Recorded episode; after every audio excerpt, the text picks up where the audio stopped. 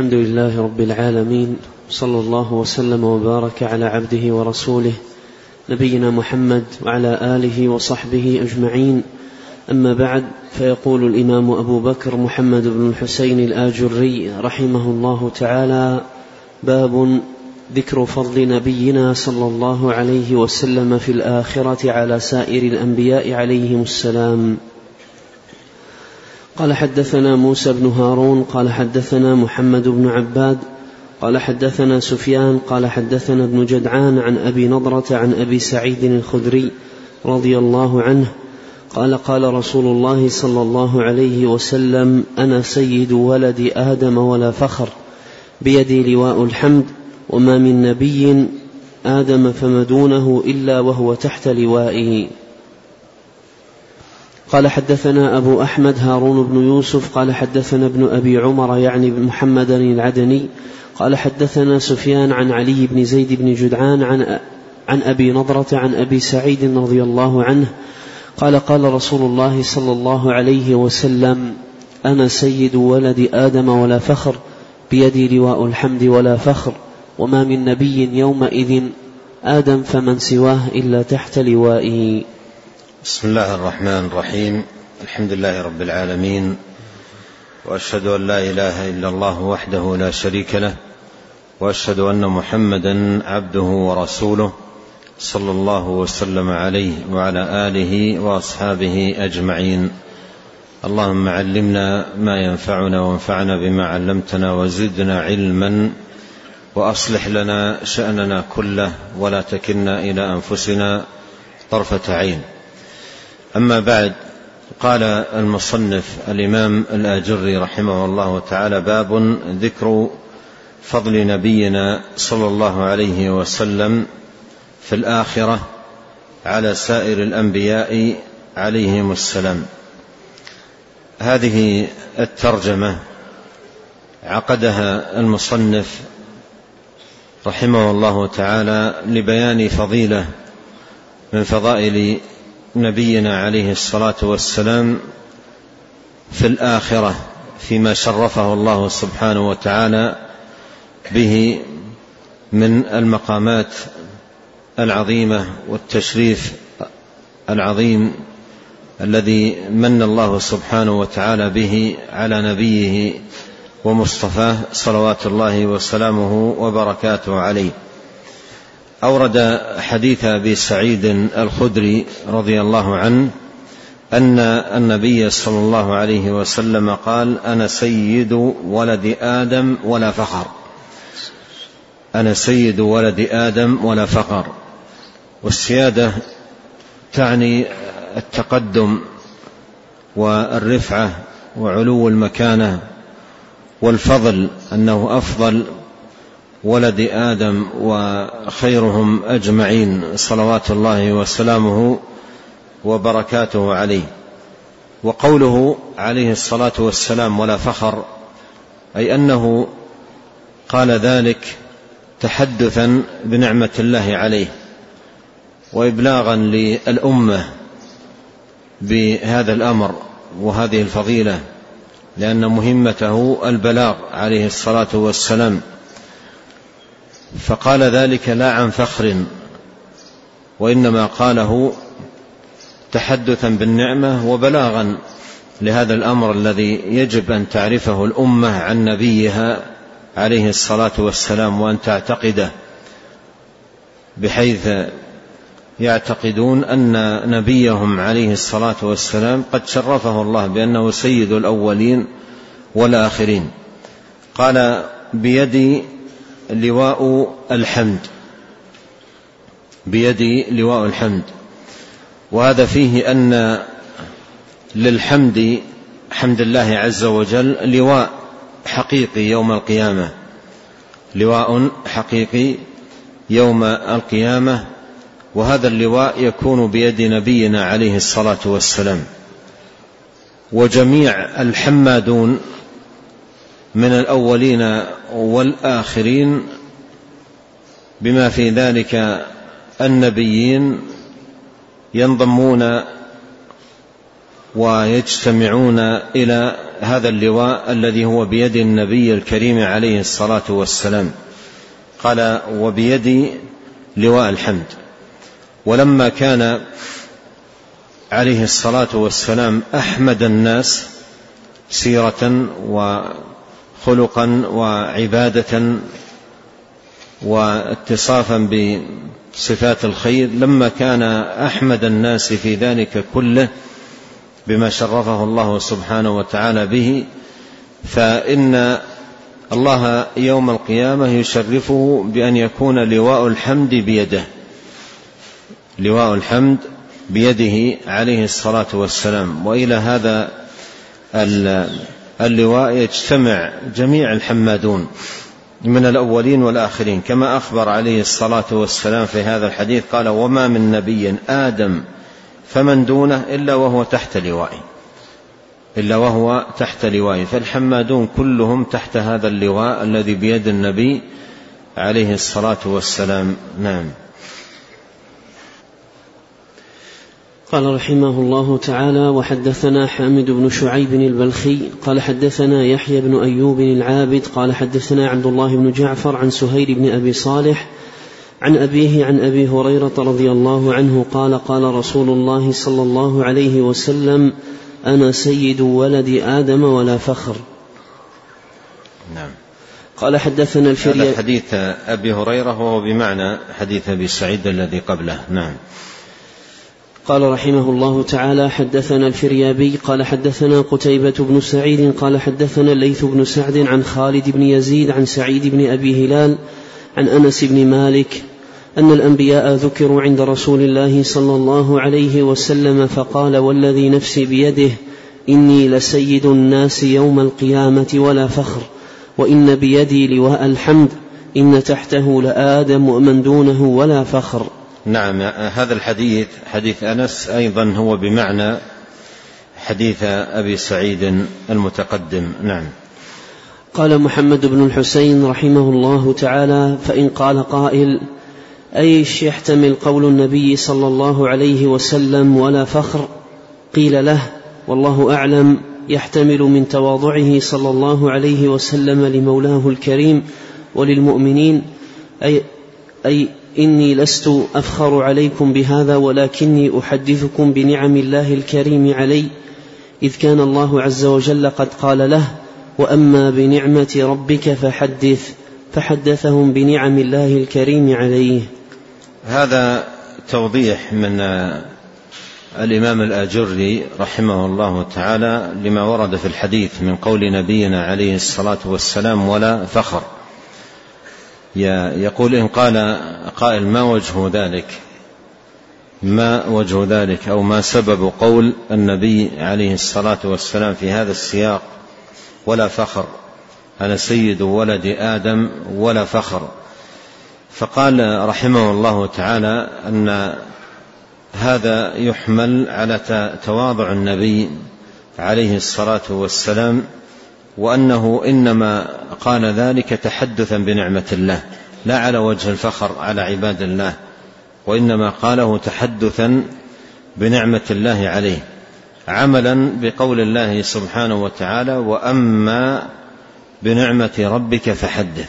فهذا من التحدث بنعمة الله سبحانه وتعالى عليه وأيضا أمر آخر نبه عليه العلماء رحمهم الله تعالى ألا وهو أن هذا من البيان الذي أمره الله سبحانه وتعالى بإبلاغه لأمته حتى يعرفوا ذلك ويؤمنوا بذلك ويعتق ويعتقدوا ذلك. فهو من جملة البيان المأمور به عليه الصلاة والسلام.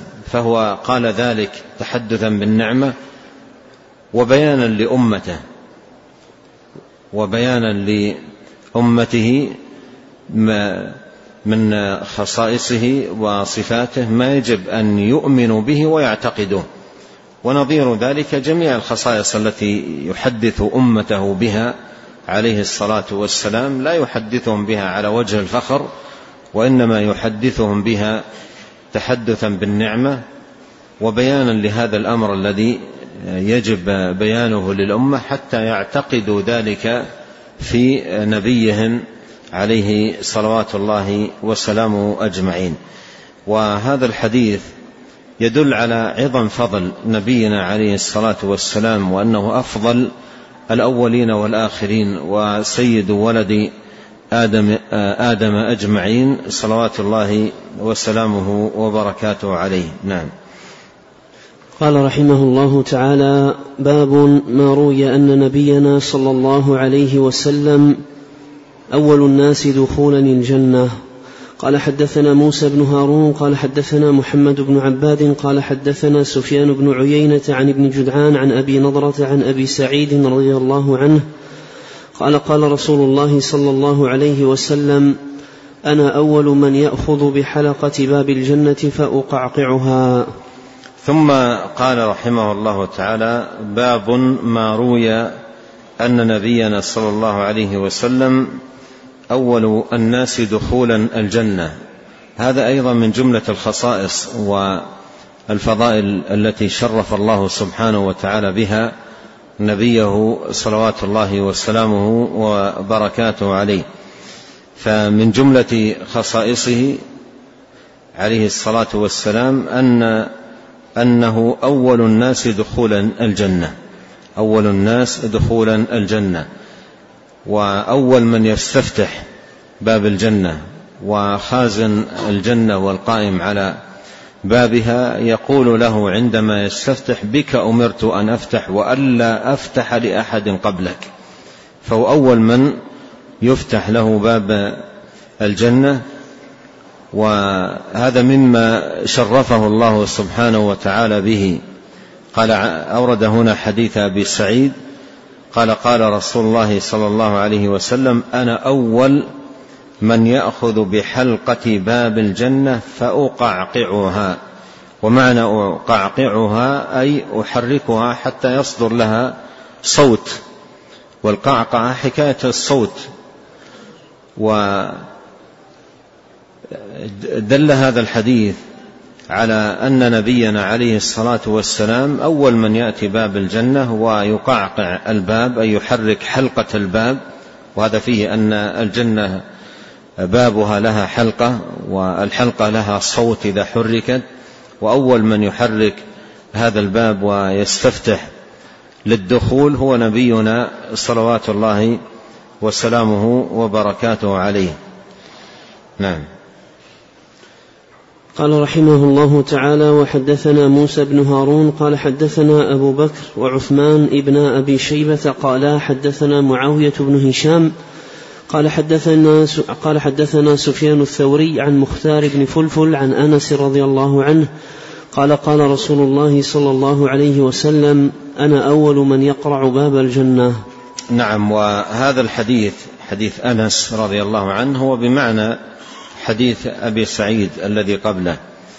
أنا أول من يقرع باب الجنة وقرع الباب هنا هو هو استفتاح لأجل الدخول فهو أول من يستفتح باب الجنة صلوات الله وسلامه عليه.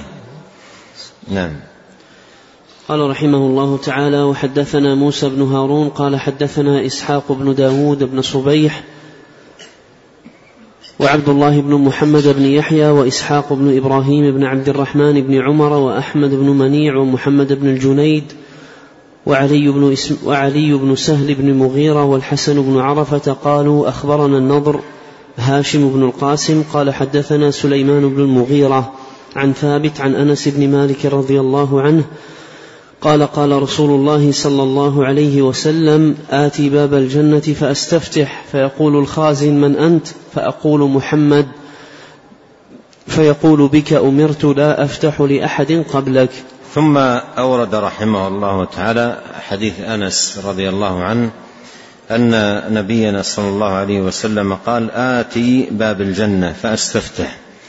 آتي باب الجنة وهذا الإتيان هو أول إتيان يكون لباب الجنة فلا يسبقه أحد إلى هذا الباب وهذا الاستفتاح لا يكون لأحد غير نبينا عليه الصلاة والسلام فيقول الخازن أي خازن الجنة من أنت؟ فأقول محمد. من أنت؟ فأقول محمد. فيقول بك أمرت لا أفتح لأحد قبلك. فهذا فيه أن باب الجنة آه، أول ما يفتح يفتح لنبينا عليه الصلاة والسلام وهو أول من يستفتح باب الجنة ولا يفتح لأحد قبله. وجاء أيضا في بعض الروايات قال فيفتحون لي أي خزنة الجنة فيفتحون لي ويرحبون بي فيقولون مرحبا فيقولون مرحبا. هذا ثبت عن نبينا عليه الصلاة والسلام فهو أول من يستفتح باب الجنة وأول من تتلقاه الملائكة في الجنة بالترحيب يرحبون به يقولون مرحبا. نعم. قال رحمه الله تعالى وحدثنا موسى قال حدثنا محمد بن عباد قال حدثنا سفيان بن عيينة عن ابن جدعان قال سمعت أنس بن مالك رضي الله عنه يقول قال رسول الله صلى الله عليه وسلم أنا أول من يأخذ بحلقة باب الجنة فأقعقعها. قال أنس كأني أنظر إلى يد رسول الله صلى الله عليه وسلم وهو يقول فأقعقعها.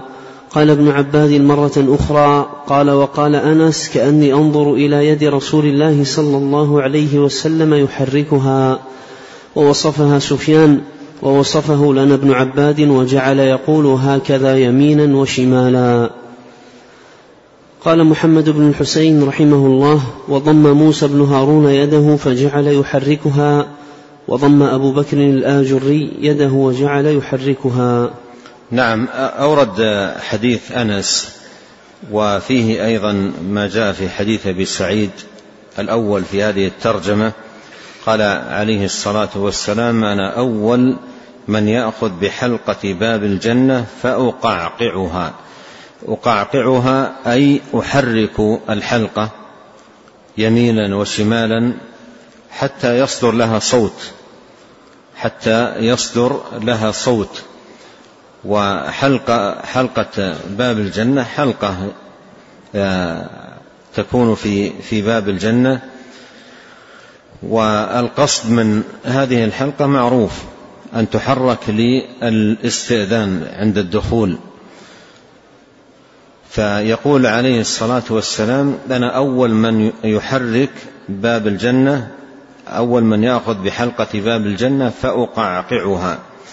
قال أنس كأني أنظر إلى يد رسول الله صلى الله عليه وسلم وهو يقول فأقعقعها. عندما قال هذه الكلمة وصف لهم بيده عليه الصلاة والسلام ما الذي يفعل يوم القيامة في باب الجنة؟ عندما قال أقعقعها حرك يده اليمنى عليه الصلاة والسلام يمينا وشمالا وضم يده وضم يده حركها يمينا وشمالا وضمها بهذه الصفة ثم يحركها ضمها على هيئة الممسك للحلقة.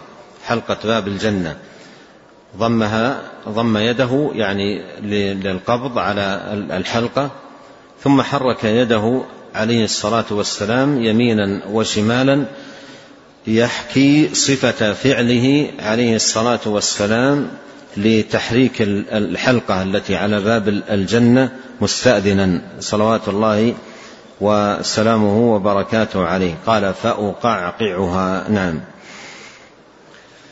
قال رحمه الله تعالى وحدثنا أبو أحمد هارون بن يوسف قال حدثنا ابن أبي عمر قال حدثني الحسين, الحسين الجعفي قال حدثني زائدة بن قدامة قال حدثني المختار بن فلفل قال قال أنس رضي الله عنه قال النبي صلى الله عليه وسلم أنا أول من في الجنة. أنا أول شفيع. ثم ختم هذا الباب رحمة الله عليه بحديث أنس بحديث أنس بن مالك رضي الله عنه أن النبي صلى الله عليه وسلم قال أنا أول شفيع في الجنة. والحديث مخرج في صحيح الإمام مسلم وله تتمة في الصحيح. قال أنا أول شفيع في الجنة.